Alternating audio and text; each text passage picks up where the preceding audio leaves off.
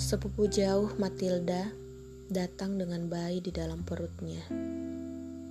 Ia menemui kawannya yang jauh untuk menghindari api dari tubuh kekasihnya.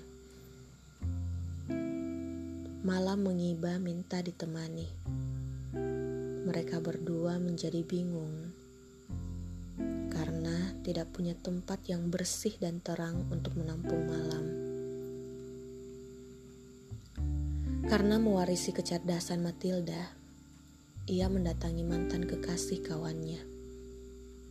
Di sebuah kampus gelap, tempat segala ide mengendap.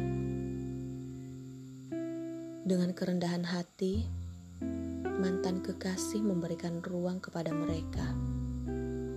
Ruang untuk menampung malam dan kecemasan dan pagi yang lebih gigil dari biasanya. Setiba di ruang itu, mereka disambut oleh kasur tipis lapuk yang baik.